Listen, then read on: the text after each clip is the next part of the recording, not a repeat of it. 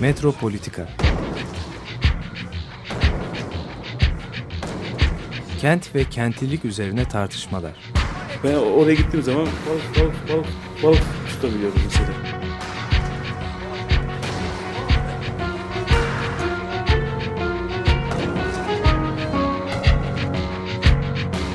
Hazırlayıp sunanlar Aysin Türkmen, Korhan Gümüş ve Murat Güvenç.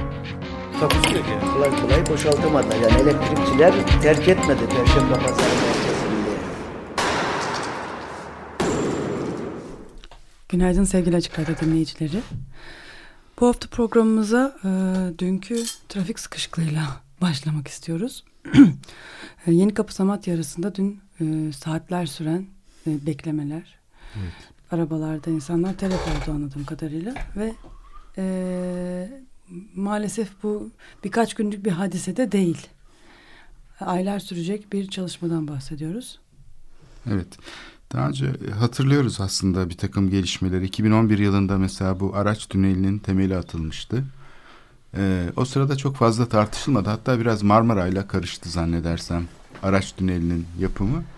Ee, o yüzden de e, şimdi yavaş yavaş e, sonuçları ortaya çıkmaya başladıkça e, İstanbul'un hayatında bu araç tüneli neleri değiştirecek bunları görmeye başlıyoruz.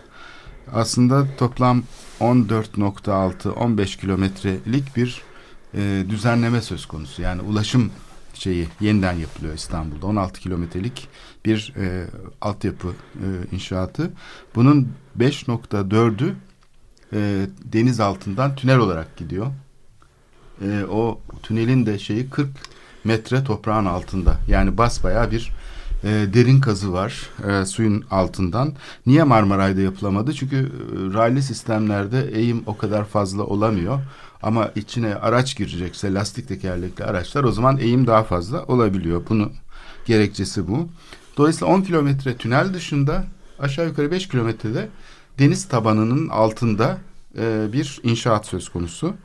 Bunun başlangıcı dediğim gibi 2011 yılı e, temel atma töreni. Şubat'ında e, ilk temel atılıyor 28 Şubat 2011'de ve e, 2016'da da açılması planlanıyor. Şimdi artık yerüstü düzenlemelerine sıra geldi. Bu tünel nereden nereye gidiyor? İşte Kazlı Çeşme ile yani bu Samatya Yeni Kapı arasındaki o e, geniş e, Kennedy Caddesi'nin genişletilmesiyle oluşacak alanla e, karşı tarafta da e, Göztepe'ye Zannedersem üst Göztepe olmalı. Yani orası tam Göztepe dediğimiz zaman çünkü biz daha çok sahil tarafına anlarız. Hayır hayır bu üst, şeye üst çıkıyor. Göztepe. Bu, E5'in bu o trafik muayene istasyonunun olduğu yere kavşağı E5 E5 ile Göztepe kavşağına Doğru tahmin etmişim. Yani o çukur alana yani eskiden e, şeyin dere ha, e, şeyinin kenarında bulunan e, çukur alana çıkıyor. Şimdi burada çok enteresan bir şey var.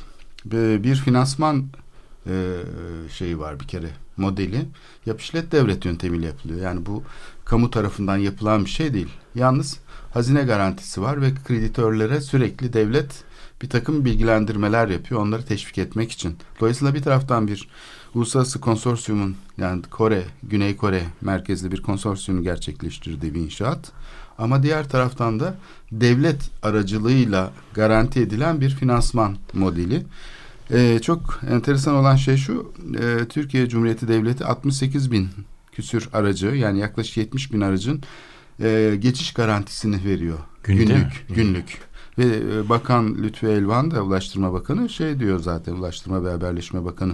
Zaten bizim tahminimiz 100 bin diyor. E, dolayısıyla yani günlük 100 bin araçlık bir geçiş olacağı varsayılıyor. Bunun üzerindeki artış yani bu 68 bin üzerindeki artışı da gene e, şey paylaşıyor e, kamuyla e, şirket. Şirket yüzde yetmişini alıyor. Devlet de yüzde otuzunu alıyor gelirin. Dolayısıyla şirket aslında bu iş için bir para almıyor. Yani bu bedava yapılıyor bu iş. İstanbulluların ulaşım ihtiyacını karşılamak için gayet bonkörce bir şekilde bir Güney Koreli şirket geliyor bunu yapıyor. Sadece küçücük bir şey var. Ee, 26 yıl boyunca 26 yıl hatta süratı da var 9 ay e, bunu İşletecek. işletecek. İşletme hakkını elinde tutacak. Sonra Büyükşehir Belediyesi'ne devredilecekmiş bu proje. Şimdi çok enteresan değil mi? Bu model bir kere çok ilginç. Yani kararı kim veriyor? Kimse vermiyor. Aslında bunun için bir yatırım kararı olmadığına göre hani biz diyoruz ya stratejik plan var. Stratejik planda yer almayan bir şey bütçede yer alamaz. Bütçede yer almayan bir şey uygulanamaz falan. Ee, bugünlerde çok moda tabii bu yap işlet devret modeli. Hatta bunun gelişmiş modelleri de uygulanmaya başlandı. Mesela hani başkanlık sarayının mesela nasıl finanse edildiğini kimse bilmiyor. E, gayet basit TOKİ'den. E peki e, şey uçak nasıl alındı? Hani karar var mı konuda? Yok Türk Hava Yolları alıverdi falan gibi. Şirketlere yaptırıyorlar ya da e, bağımsız kurumlara yaptırıyorlar bu işi. Burada ise tamamen bir uluslararası konsorsiyum e, bu projeyi hazırlıyor. Teknolojisiyle vesairesiyle zaten bunu elinde bulunduran bir şey, bir şirket geliyor uyguluyor. Dolayısıyla İstanbul'un efendim çevre düzeni planında bu e, tüp geçiş ya da işte dalış e, şeyi tüneli yer alıyor muydu? E, deniz tabanından dö- döşenen e, hat. Bunu tartışmanın bir anlamı da kalmıyor. Tartışılması mümkün olmayan konular sınıfına giriyor zannedersem. Yani bu e, ulaşım çünkü ihtiyaç. E, zaten İstanbul nüfusu artmış. Çok enteresan bir açıklaması var bakanın son yaptığı bu e, ziyarette e, kreditörlere de bilgi vermiş bu konuda. İstanbul'da diyor işte 15 milyon nüfus var. 3 milyon da araç var. Buna karşılık diyor bu gözlemi çok enteresan yani yaptıkları ölçümler e, araç sayısı son 10 yılda yüzde 70 artmış. Evet. Yani yüzde 70 artış az bir artış değil. Değil. Yani düşünün 10 senede kaça katlanıyor? Yüzde 72 neredeyse ikiye katlanıyor araç sayısı. Ee, buna karşılık iki yaka arasındaki geçişler artmamış köprülerden. Köprülerin şeyini doldurduğunu ifade ediyor. Bunu zaten görmemiz mümkün. Hemen İstanbul'un sahillerine şöyle çıktığımız zaman mesela şöyle Beşiktaş'a, e, Fındıklı'ya, ta, e, Kabataş'a orada bekleyen araçlar görürüz değil mi akşamları? Siz görmüyorsunuz karşı yakada oturanlar. ben görüyorum. Onlar karşıdan gelecekleri bekliyorlar. O insanlar ne yapıyor orada her akşam diye merak ediyorum. Çünkü muazzam bir trafik seli böyle ama duruyor yani gitmiyor. Gitse derim şey hani bu, buradan bir yere gidiyorlar. Yaklaşık o senin söylemiş olduğun hani bir buçuk iki saat beklemişler Samatya'da falan. Ee, o zaten her gün e, şeyde oluyor. İstanbul'un sahillerinde böyle bir tıkanıklık oluyor. Ee, bu kişiler nereden nereye gidiyorlar? Herhalde Beyoğlu'ndan kalkıp da Göztepe'ye gitmiyor çoğu. Vardır belki bir kısmı ama onlar yani cüzi miktardır. Bu burası bir transit geçiş alanı haline gelmiş durumda. İstanbul'un sahilleri. Ben de tam bunu tartışmak istiyorum. Yani niye bu araç tüneli yapıldı? Niye sahile yapılıyor? Yani beni daha çok e, şey yapan, e, ilgilendiren yani tarihi yarımadaya gelip bir araç tüneliyle saplamak sahillerini o Kennedy Caddesi zaten bir ucube. Onu sekiz şehirde yani onu yok etmek gerekirken çünkü artık tarihi merkezden böyle bir transit yolunu geçirmenin anlamsız olduğunda iddia edenler var. E o zaman sekiz şehirde çıkarmak yerine bu yolu iptal edelim. E, metroyla madem Marmaray'da yapıldı başka şeyler de olabilir ama hattı sahilden merkeze doğru yani ulaşım ihtiyacının asıl rasyonel karşılandığı iki taraflı olarak dağılımın sağlandığı ana omurga üzerinden yapılsın. Niye sahiller kullanılıyor İstanbul'un ulaşımında? Birinci olarak benim kafama takılan soru bu. Bilmiyorum sizin bir cevabınız var mı? E çünkü en ucuz e, kaynak orada. Onun Deniz. için tabii deniz Bedava. bedava.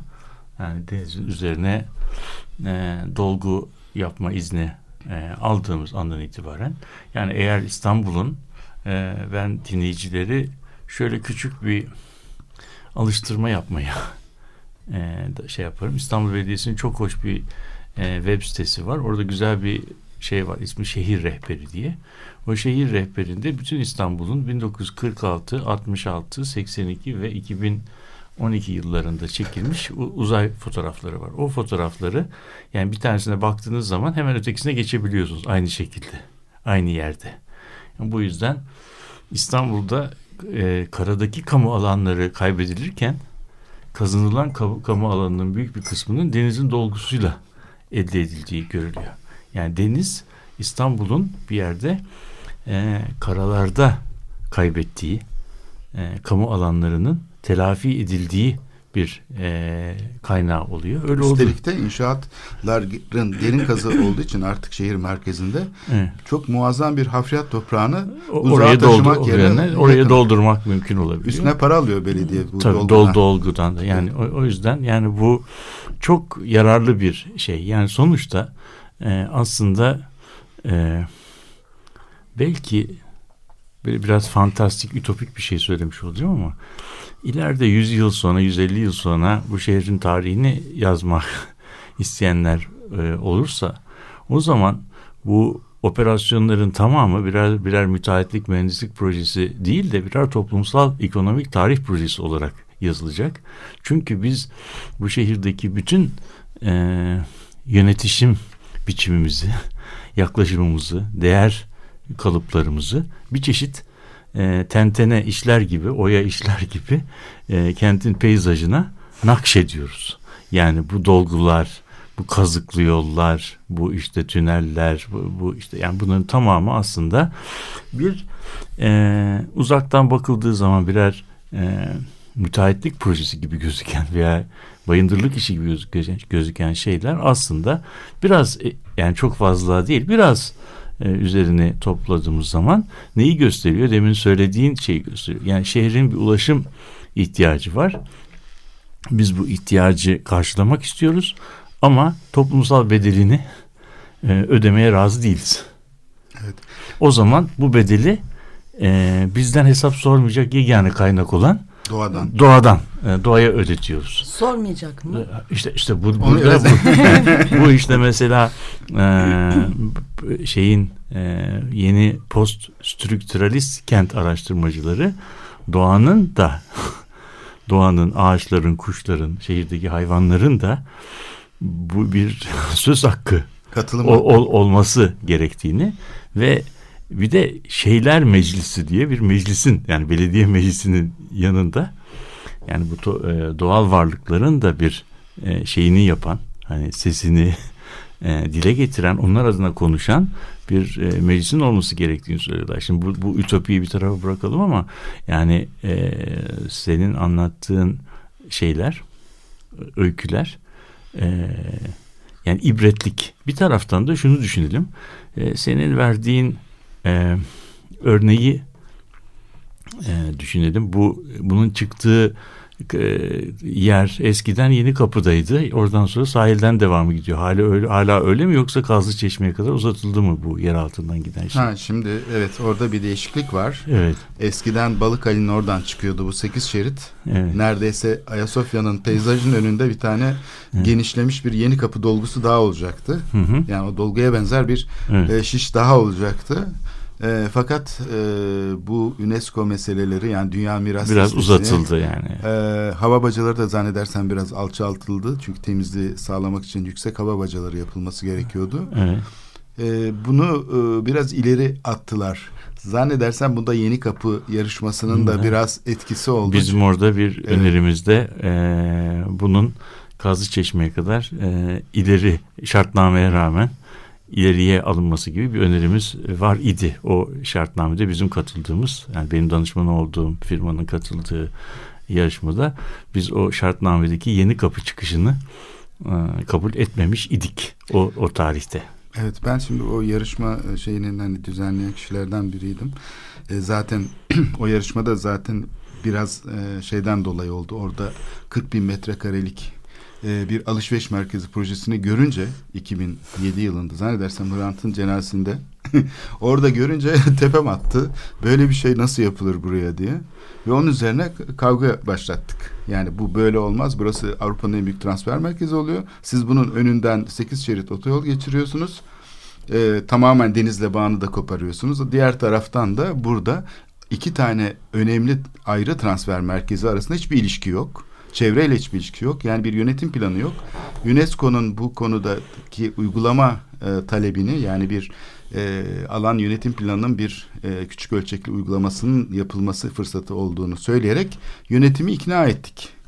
İkna ettik onun üzerine de e, sonuçta bu programın bir uluslararası yarışmaya açılmasına da ikna ettik. Hoşlarına da gitti aslında gitmedi değil. Hani başbakan zaten şey deyip duruyordu o zamanki başbakan çanak çömlek çıktı diye bizi beş sene oyaladılar. Biz de bu beş seni yani bir altın fırsat olarak kullanalım. Fakat e, tabii beklendiği gibi gelişmedi. Bir kere o yönetim planı tam bir şeye dönüştü. İMP'de hazırlanan bir basit ihale işine çevrildi ve hiçbir anlamı olmayan, kimsenin katılmadığı, haberinin olmadığı, e, tarafların benimsemediği e, çok aktörlü bir yapı olduğu için bütün tarafların aslında birlikte uygulaması gereken bir şeydir, yapıdır.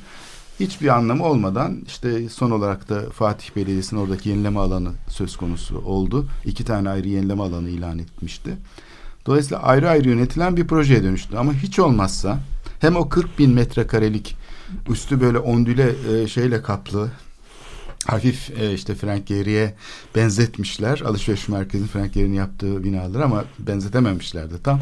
Ba bari saça. Babali saça.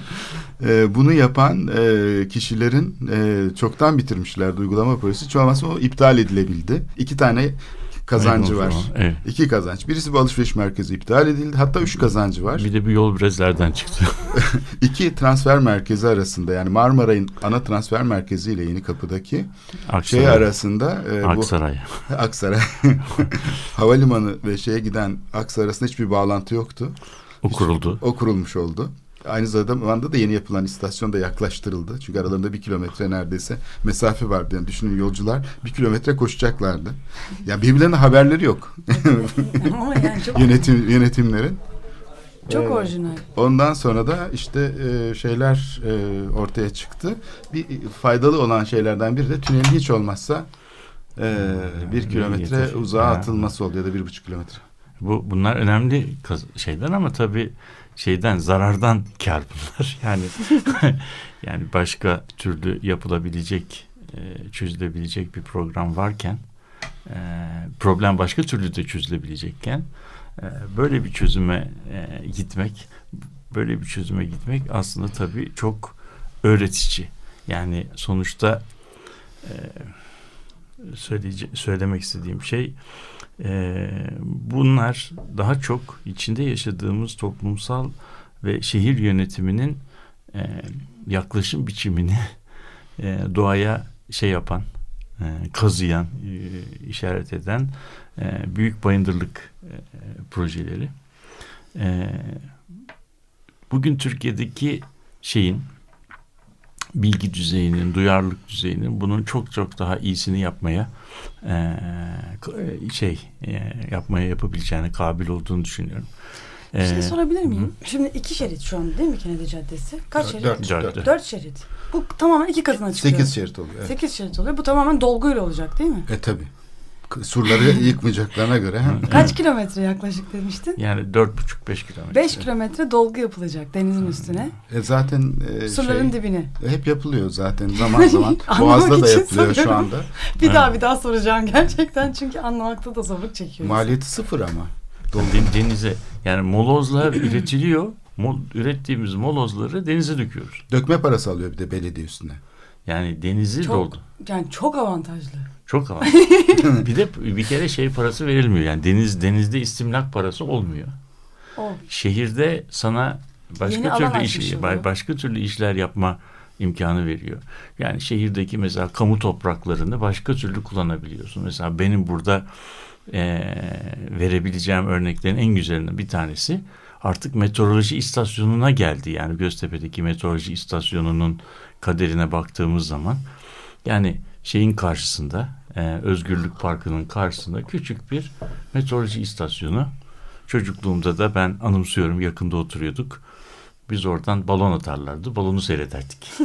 Yani yatmadan önceki en son şeyimiz babam bize balonun ışığının sönene kadar şeyimiz vardı. Göremeyene kadar seyredebilirdik balonun ışığı. Evet o Evet. şeyi öğrenmek için değil mi? Hava durumunu. Hava, hava durumunu tabii yüksek o zaman. basınç, alçak basınç ölçmek için. Altında o balonun, o balonun da altında küçücük bir lambası vardı. Biz de onu seyredik. Televizyon falan olmadığı için radyo günlerinde onu, onu seyredik. Şimdi o istasyonun olduğu yerde e, Me- Mecidiyeköy'den gözüken dört tane büyük e, şey var, kule var. Bunlara e, four winds deniyor. Dört e, rüzgarlar dört rüzgarlar deniyor. Dört rüzgarların da bir özelliği var. Nereden bakarsan bak dördüncü göremiyorsun. Hep üç tane görüyorsun.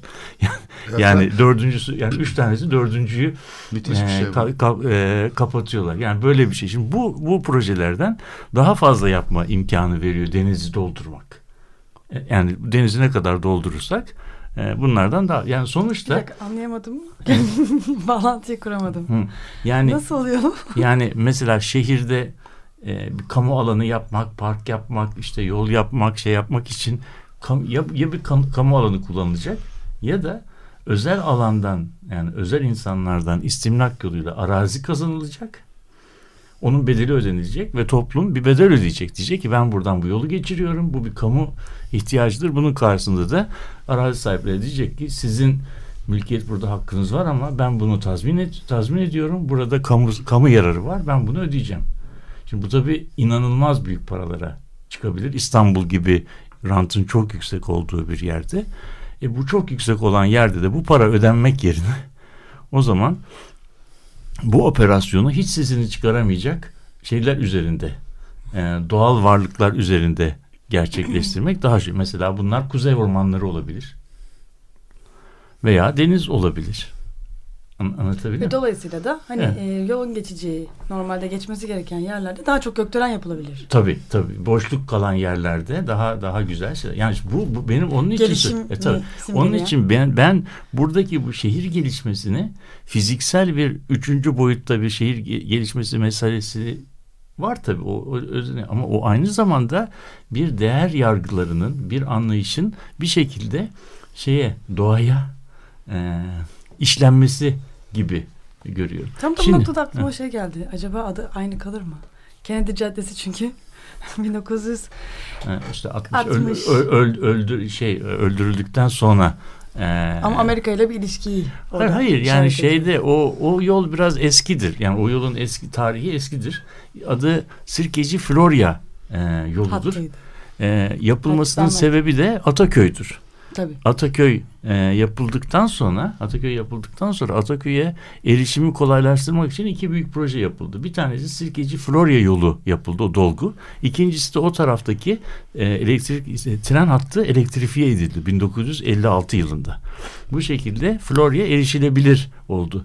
Kennedy'nin 63 yılında öldürülmesinden sonra da Sirkeci Florya e, asfaltının adı e, şey olarak hani e, saygı e, Elde hazır nişanesi o- olarak varken, bir, bir o- oraya O verildi. zamanın en önemli Ee, şeylerinden şeyden bir biri. tane. Ama yani benim benim Evet. söylemek istediğim yani hakikaten bu e, şehir meselesi yani şehirde yapılan şeyler, operasyonlar aslında kendi şeylerinin ötesinde kendi e, Şu anda ifade ettikleri ötesinde Gerçeğin ötesinde e, asıl derin bir, bir, bir, şey. şeyin de başka simgeleri de var. Örnek- Yani örnek tam vereyim bir ya, tane örnek. O, o yüzden bunu söyledim. Pardon sözünüzü kestim ama Kennedy de o anlamda hani Amerikan tarzı bir gelişme, otoyol falan tarzı yani biraz zannetmiyorum. O bak o orada Bir öyle alakası- değil. Belki vardır ama yani o o Yok şeydi bak geliyor. şimdi dünyada insanların anımsadığı benim yaşımda insanların anımsadığı 3-5 tane olaylardan bir tanesi Kennedy'nin öldürüldüğü gün ne yaptığını insanlar anımsıyorlar. yani nerede duyduklarını anımsıyorlar. Yani hakikaten bir e, şey bir olaydı. Yani insanların hiç o, o tarihe kadar beklemedikleri, duymadıkları Küresel travma, bir- travmatik bir Evet, şey travma. her yere gitti filan. Yani e, ve Kennedy'de biraz e, siyasi kimliğinin e, ötesinde e, işte genç bir karısı çocukları filan böyle biraz şeydi. Yani PR Magazinsel bir açısından şey tabii PR diyorsunuz. açısından da çok şeydi. Yani çok popüler bir e, cumhurbaşkanıydı. Yani insanların şey yaptı. Onu böyle bir anda beklenmedik bir anda e, böyle Amerika gibi bir yerde öldürmesi bir şey oldu. Zannediyorum o tabii şeyde de e, Küba krizinin yarattığı bir şey de var. Yani bir e, Türkiye'de bir kahramanlık falan da var. Yani böyle bir şey hani bir dünya işte şeye geldi. Soğuk Savaş'ın eşi, eşi, eşi yani biz ona biraz Kore anımsıyoruz. Savaşı vesaire Yani o böyle bir o geldi. böyle e, hani simgesel olarak hani otoyola Amerikan hayranlığına falan değil de biraz o, o zannediyorum o şeyle ilgili. E, o travmayla ilgili diye düşünüyorum. Yani olayı da çok fazla değiştirmiyor ama ben mesela şey olarak hani başka türlü bir duyarlılığın eserine şey örneği olarak e, Venedik'te Colatrava'nın köprüsünü e, gösterebilirim. Bir köprü yapılmış şeyde Venedik'te. Aa, Gara yakın olan. Gara yakın. Gara yakın. Yani Şimdi o köprünün kenarı Yalın, modern ama bir şey. Evet. Ama kenarına baktığınız zaman çok ilginç bir e, bir şey var.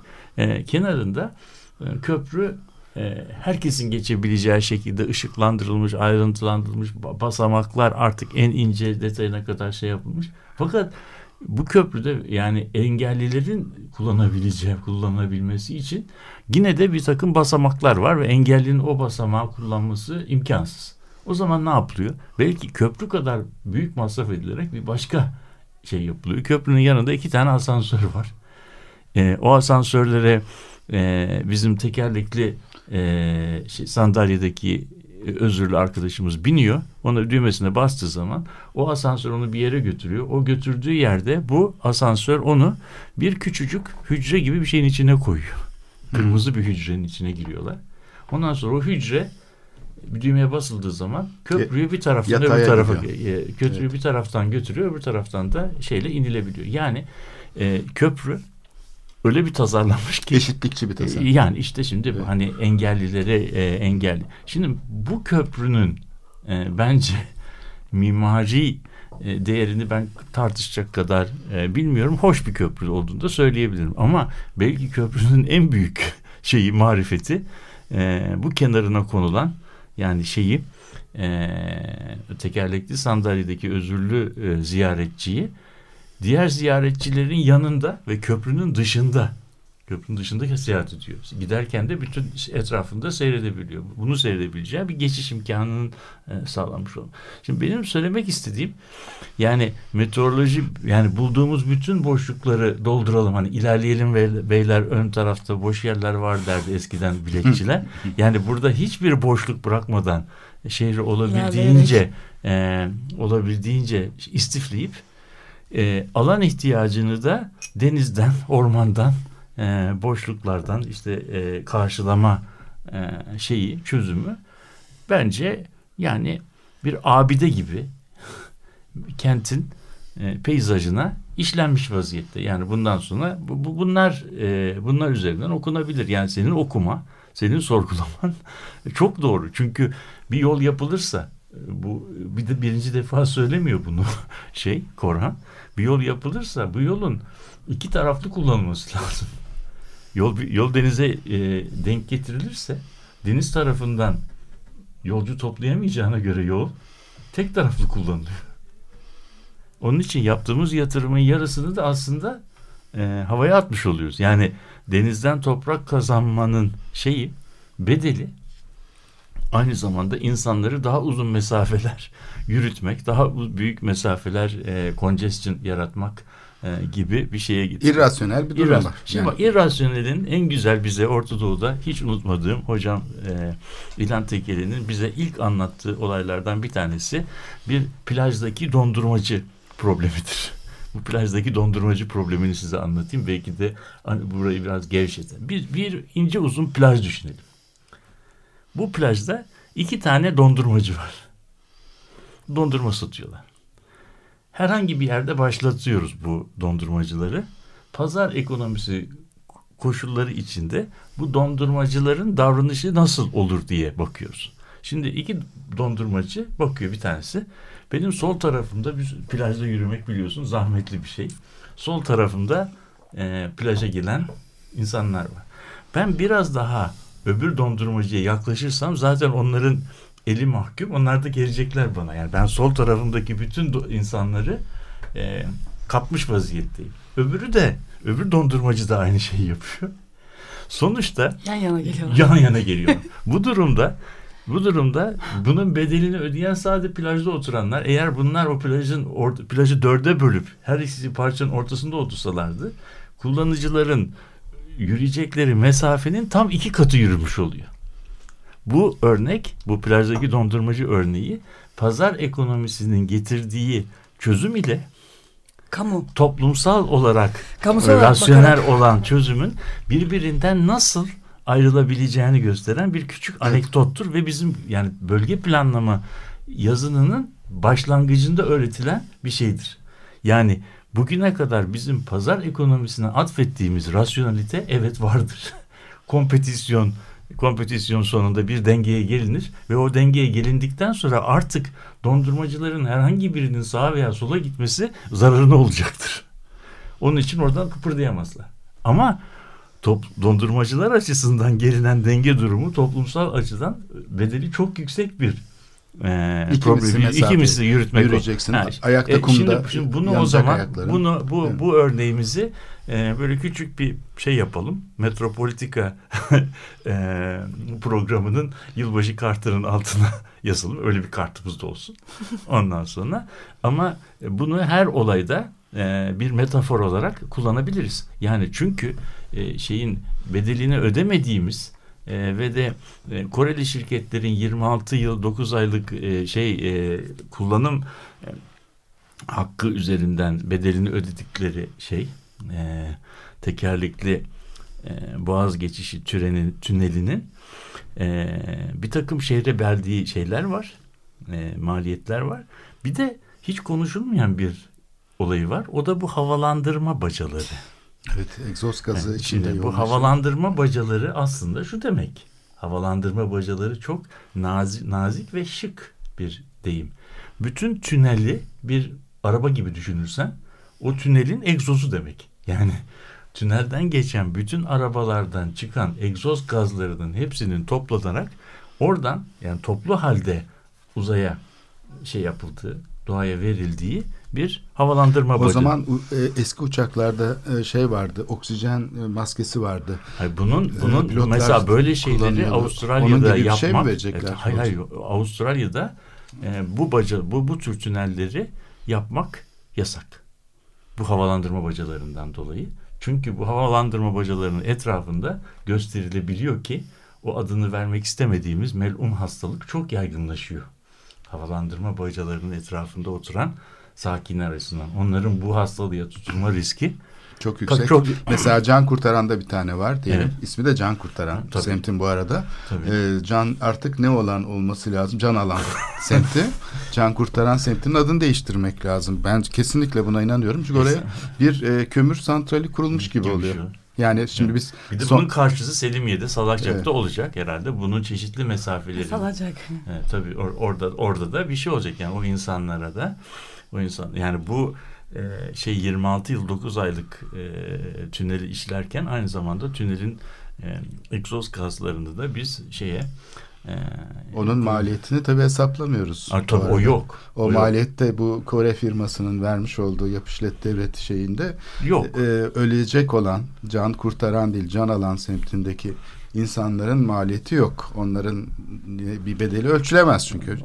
Mukadderat yani. Canlı deyince hani sadece işte yaban domuzları falan değil. Evet. İstanbul'daki insanlar herhalde denize atlayıp kaçmaya başlayacaklar çünkü şey yok. E, kurtuluş Nefes yok. Ama Evet. belki tabii Oksijen. ileride ileride elektrik ben burada egzajere etmiş de olabilirim. Elektrikli ama otomobiller elektrikler olacak. çıkacak. O zaman artık gaz e, çıkmayacak. 50 sene falan Ondan sabredelim diyorsun. Yani hani Ha. belki o bacaları o zaman e, bacaları yıkıp bacayı imara açmak falan gibi de baca yerleri de olabilir. Yani o- Bacaların üstüne restoran yapılır. mesela evet daha bazı manzara. Evet, tarihi de, da e, manzaralı. Sen sanırım bacaların da alçaltılacağından Evet. Şimdi evet şimdi bacalar konusu tabii birkaç tane baca. Bunlar öyle bir tane iki tane de değil. Ee, bunların yükseklikleri ilk başta nerelerde bu bacalar olacak acaba? 60 metreydi. Çünkü Yakınlarımızda olacak. hani insanları biraz İnsanları- şeyden korumak için hani hiç olmazsa yukarı çıkarsak biraz e, şey bulutlara doğru yaklaşırsak aslında bence bir kilometre falan olması lazım. Onun da 60 metre kurtarmaz. İlk başta öyle tasarlanıyordu. Ancak bu kültür mirası açısından da tartışılınca hani bu şeyin de Haliç Köprüsü'nün Ayasofya'nın 7. minaresi oluyor tabii. kuleleri var ya. Ayasofya'dan yüksek olmuyor mu? E, tabii. oluyor. Çok işte. daha yüksek. Sultanahmet'e yeni bir kardeşi. Yani Galata Kulesi gibi bir şey yapılıyor tabii. E, bu boynuz meselesi tartışma konusu olunca şeyde Haliç Metro Köprüsü'nde bu sefer yönetim biraz geri adım attı. Yavaş yavaş törpülemeye başladı bacaları. Fakat bu tabii sağlık açısından e, çok da şey değil. E, daha iyi bir durum değil, daha da kötü bir durum. Yani orada semtte yakınında oturan işte ne kadar insan varsa orada işte ev olarak işte ne bileyim Turistik tu- şeyler var. Otelin hemen yanında. Evet. Oradaki bazı Terasına oteller. çıktığında mesela otelin buram buram kurşun ve şey soluyacaksın. Karbondioksit ve karbon monoksit.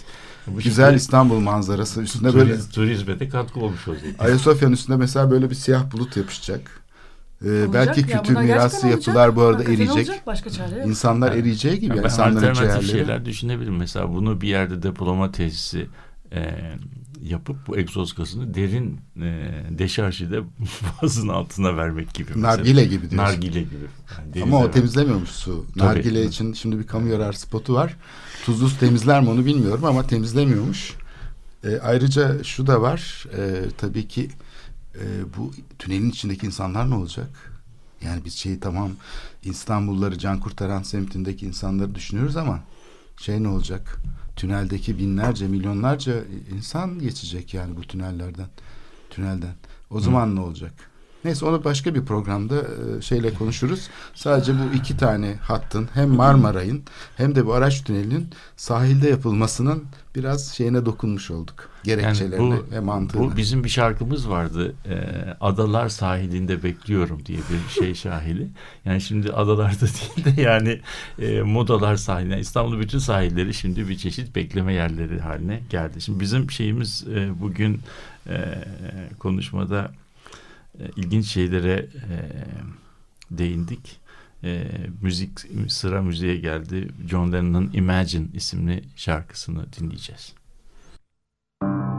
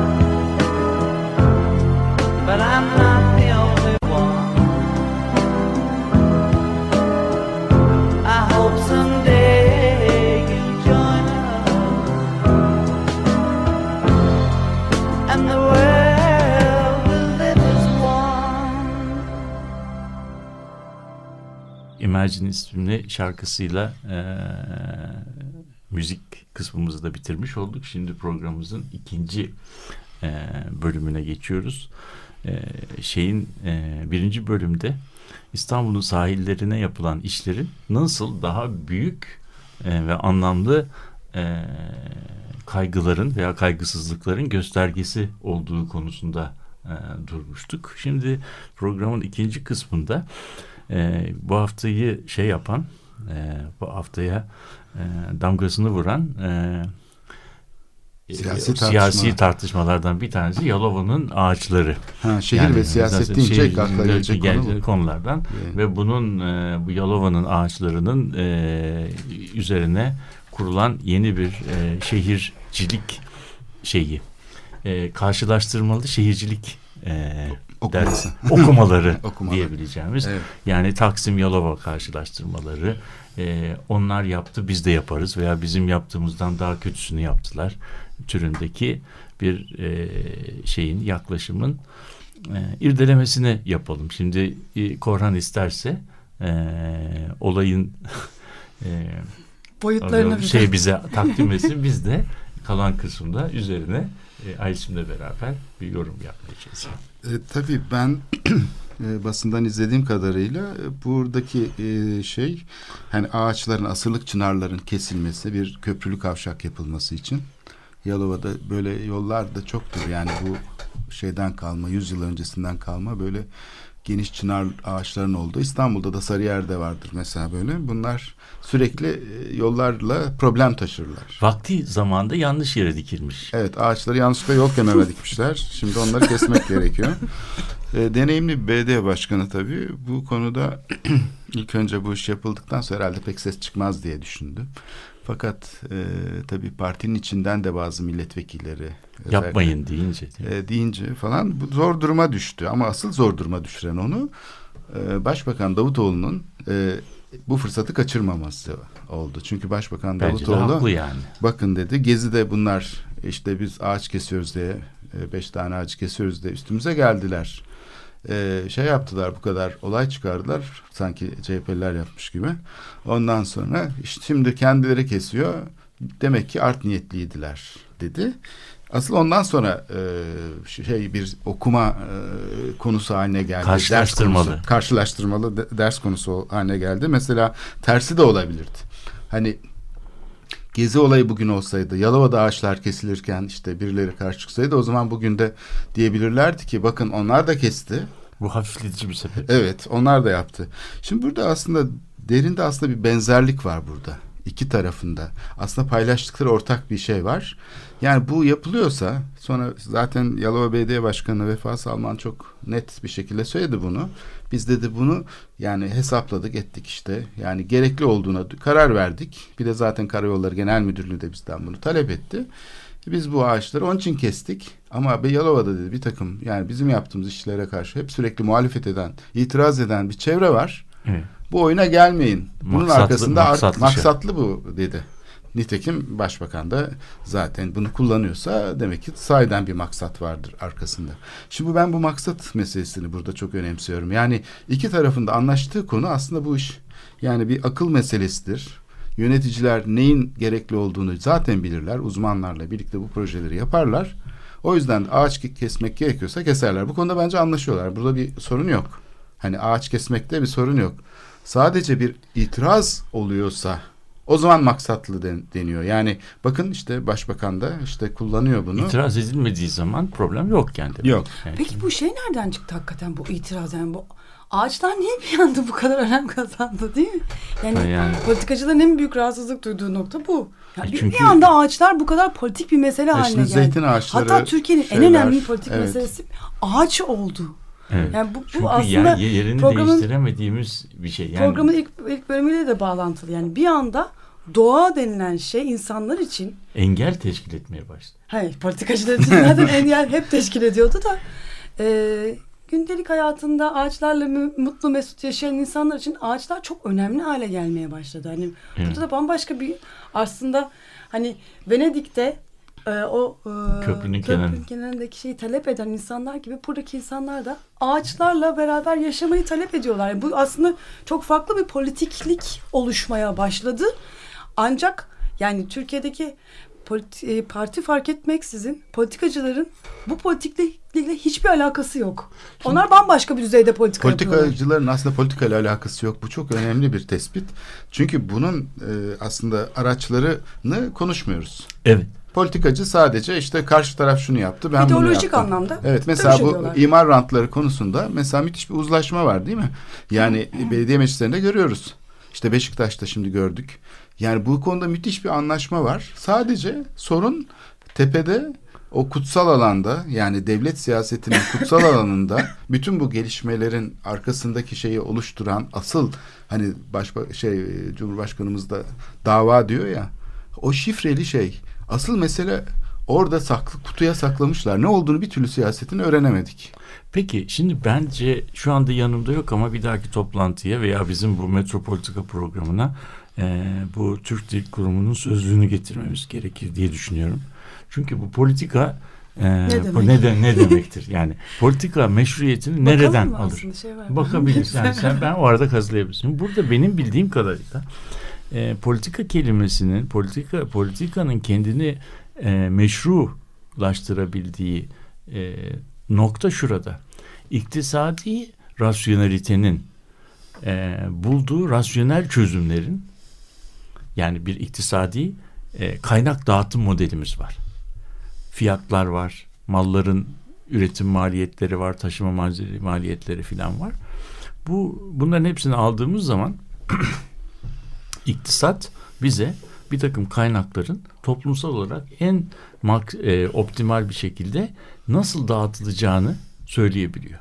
Fakat bir büyük iktisat e, dahisi olan Şiraffa isimli bir e, İtalyan iktisatçı diyor ki evet iktisat bir çeşit optimalite buluyor. Fakat iktisadın bulduğu optimalitelerin hepsi faktörlerin önceliklerini gösteren vektöre bağlıdır. Yani hangi ve hangi e, hangi kaynak ne kadar öncelikli ise bu öncelikleri gösteren bir vektör vardır.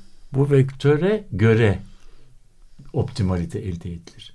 Başka bir öncelikler vektörünü tanımladığımız zaman iktisadın bulduğu optimal çözüm de değişecektir. O zaman tek bir optimal çözüm yerine önceliklere göre belirlenmiş e, optimaliteler vardır. İktisat veya teknik alanda bu öncelikleri kendi kendine belimli, belirleyemez. Eğer bunu belirlemeye bakarsa o bir çeşit despotluk olur. Evet, şimdi- Onun için Yani. topluma öncelikler sistemini belirleme hakkını tanımamız lazım. Toplumun öncelikler sistemini belirleme hakkı da politikacıya bilir. Politika bir kaynağın kullanımındaki öncelikleri şey yapar. İki politikacıyı birbirinden ayıran şey birisinin önceliğinin A, birisinin B olması veya bunlar arasında farklı ağırlıklar taşımalarıdır. Şimdi eğer uygulamacılar öncelikler e, üzerinde hiçbir farkları taşımıyorlarsa her ikisi de uygulamamız geldi, uygulamamızı tutamıyoruz, uygulamamızı yapmalıyız e, şeyinde gidiyorlarsa Aynı vektör e, aynı vektör. O zaman ikisini birbirinden ayırmak yani iki politikayı birbirinden ayırmak çok e, şey oluyor. e, zor oluyor. O zaman da kabahatin büyüklüğü üzerinden bir ayrım e, yapılabiliyor. Biz beş tane çektik, onu kestik. Onlar 195 tane kesti meselesine geliyor. Ya Onlar- da siz daha çok yolsuzluk yaptınız biz daha az yapmıştık. veya biz işte kestiğimiz ağaçları fakirlere dağıtacağız gibi bir şey oluyor. Bir de o da var. Ancak yani şimdi e, mesela Mustafa Dikeç'in kitabında anlattığı Rancière'nin politika anlayışına göre de yani tamam politikacılar ve güç odakları politikayı belirliyor ama artık e, yani bu ağaçları seven insanların da bir güç olmaya başladığını görüyoruz ve politika bu seviyede olduğu zaman politikacılar tarafından aslında e, e, seçmen olarak politikadan ayrışıp başka alanlarda yeni politikliklerin de oluştuğunu ve bunların aslında politikacılar üzerinde yani gene onlar kendi e, ideolojik düzenlerinde bunu tartışmaya çekseler dahi bir güç oluşturmaya başladığını da görüyoruz. Bu da çok önemli bence. Şimdi Yeni bir politiklik Vefa Salman'ın şey. Salman'ın mesela bu şeyden çıkardığı ders herhalde ben keşke bunu yapmasaydım olmuştur. Bana öyle geliyor. Evet, Çünkü yani- istifa et Yani kampanyası bu da başladı. yani artık Rancière'in o bahsettiği hani bir alan var, bir politik diskors var, söylem var ve bu alanda çok önemli bir güç ağaç. Ve insanların ağaca sahip çıkması. Çok yani bu- Başkanlık da- sarayı da çünkü burada Bu- bunun da- Aksaray'da tabii. Yani bu ideolojik tartışmadan çok daha güçlü bir e, Evet, önemi olduğunu atlamamamız gerektiğini İşte düşünüyorum. bu olay belki yani Aysim'in bu söylediği olay bizim bu e, konuşmanın başında Yalova'nın ağaçları meselesine gelirken bir cümleyle geçiştirdiğimiz bir nokta var. Bir köprülü kavşak yapılması için ağaç kesiliyor. Şimdi problem zaten birinci cümlede başlıyor. Ee, o da Köprülü kavşak. köprülü kavşak İhtiyaç ihtiyaç vazgeçilmez bir şey. ve Ağaç alternatifi şey. alternatifi var mıdır yok Evet. mudur E, köprülü kavşak köprülü kavşak illa o biçimde mi olabilir o hattan mı olabilir alternatifi olamaz mıydı bütün Yalova Ovası'nda köprülü kavşağın yapılabileceği başka hiçbir imkan yok muydu? İlla burada mı yapılması gerekirdi? Aynı şey Taksim'deki e, proje içinde söylenebilir. yani oradaki işte e, kavşak çözümleri vesaire e, başka alternatif yok muydu? Ya da Beşiktaş'taki işte şimdi bu üzerinde duracağımız başka programlarda e, bu meydan projesi, dalış e, tüneli olan meydan Evet. projesi başka alternatif olamaz mı? Evet. Kıyıları otomobilleştirmek şart mı? Yani birçok şey açıdan e, bu vektör meselesi Evet. tartışılabilir. Yani burada Yine programın bu- başında bahsettiğiniz bir şeye de geliyoruz aslında. Ama post-structuralist kent söylemlerinde kent akademik e, konuşmaların tartışmalarında olan şey bence ağaç artık aslında bir Tabii, politik işte, özne olarak Tabii, tabii, karşımıza öz- çıkıyor. tabii, tabii, Karşımıza aynen, Yani aynen, tabii. Ö- yani birileri bunu savunuyor ve artık Ee, tabii, yani bu tabii, çok önemli tabii. bir şey yani. Yani- bunun, bunun ağaç ağacı bir özne gibi kul, Politik kullanmak. özne olarak. Şey- Ve kullanılıyor şeyi- aslında bu bak, şehir şeyin- kullanmaya başladı. bu şeylerin- ülke kullanmaya Evet. başladı bunu. Yani şey, şeylerin veya cansızların hakkını e, savunma e, kaygısı. Me- Bruno Latour e, parlamento diyor böyle bunlar için. Bunun aslında en e, ele, elle tutulabilir sonucu şu. e, biz şu anda e, politik e, ortamın bize sunduğu, bize danışmadan sunduğu çözümleri e, en az maliyete nasıl getiririz şey yapıyoruz. Bu, bu yani problem sorunlar e, bize çözüm olarak sunulan şeyleri sorunsallaştırmaktan geçiyor. Yani neden neden köprülü kavşak bilmem 198 tane e, ağacın üzerine gelebiliyor yani bunun şeyi. Bunun hiçbir alternatifi yok mudur? Bu kadar bu Türkiye'de dünyada bu kadar teknoloji geliş, gelişkinken bunun e, biz o zaman 198 tane ağaca karşı ne kadar e, bedel ödemeye hazırız? Bu problemi kendimize soruyor muyuz? Yani burada burada toplumun, belediyenin, halkın kendisine sorması gerekiyor. Siyasetçi zannedersen bu konuda geç kalıyor. Siyasetçi durumu kavramakta yani tepkiler sonrasında e, şey oluyor fark ediyor. Yani rutin işleyişi içinde aslında bunun bir tartışma yaratacak konu olmadığını zannediyor. Evet. Mesela Taksim'deki kışla projesinde de böyle oldu. Yani ben bunu yaparım, e, uygularım. E, birkaç kişi de itiraz eder, küçük bir kesim. Yani bunun bu kadar büyüyeceğini tahmin etmiyorlar. Burada da zannedersem şöyle bir şey var. Yani bu e, tahakkümün bu kadar güçlü olması, yani bu karar sürecinde bu kadar yöneticinin kendinden emin olmasını sağlayan farklı şeylerin tahakküm e, aracı haline gelmesi, iç içe girmesi. Mesela bu e, projeleri hazırlayan kesimin e, tamamen e, işte şirketler olması, müteahhitler olması. O yüzden e, önlerini göremiyorlar aslında. Çünkü bu kamusal niteliği oluşturacak olan e, fikir üretimi e, şeye bağlı olduğu için müteahhitlere ya da plan yapan müteahhitler var. İhaleyle plan yapıyorlar biliyorsun Taksim'deki gibi. E, bu bunlar tamamen patronaj altında olunca o zaman tahakküm katmerli hale geliyor. Yani Evet. yönetimin kendinden emin olma hali daha da artıyor. Mesela işte Evet. başka Aksaray'da böyle değil mi? Mimarla işte şey şimdiki Cumhurbaşkanı e, kaç yıllık dostluklarının bir ürünü. E, Tamam. başlarken e, Hayırlı olsun yani. e, koltuklarıyla bilmem nesi hayalleri kurarken mesela böyle bir sorun ortaya çıkacağını düşünmüyorlar. Tabii. Yani Ağaçları benim- kestik keseriz şey yaparız yaparız ama sonra birdenbire ya bunun içinde bize oy veren insanların yüzde otuz ikisi de bize karşı olmaya başladı deyip içlerinde yavaş yavaş bir kaygı olmaya başlıyor. Evet. Yani Aysim'in söylediği sorunun e, belki orta gündeme getirdiği şey bu politikacılar geç kalıyorlar diyorsun ama bu geç kalma e, benimsenmiş bir davranış kalıbına göre yani bir kavram bir dalı bir kalıbı benimsiyorlar ve onu bir çeşit habitüs haline getiriyorlar. Bir çeşit e, refleks haline getiriyorlar ve o refleksle baktıkları zaman canım bundan da bir şey çıkmaz diyorlar. Şimdi bu canım bir, bundan da bir şey çıkmaz şeyi e, argümanı e, şeyin e, nasıl diyelim e, zaman içerisinde birçok ülkede e, şey oldu. Erozyona uğradı. Aşındı.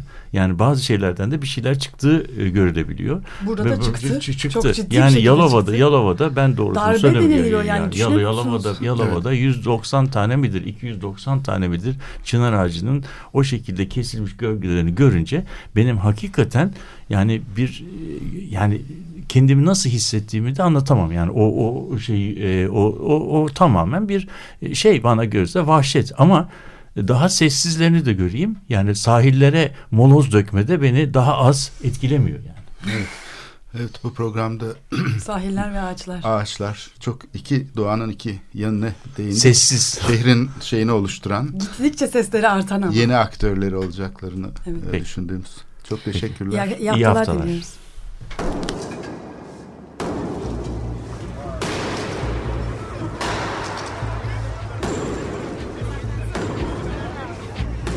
Metropolitika Kent ve kentlilik üzerine tartışmalar. Ben oraya gittiğim zaman balık balık balık balık tutabiliyordum mesela.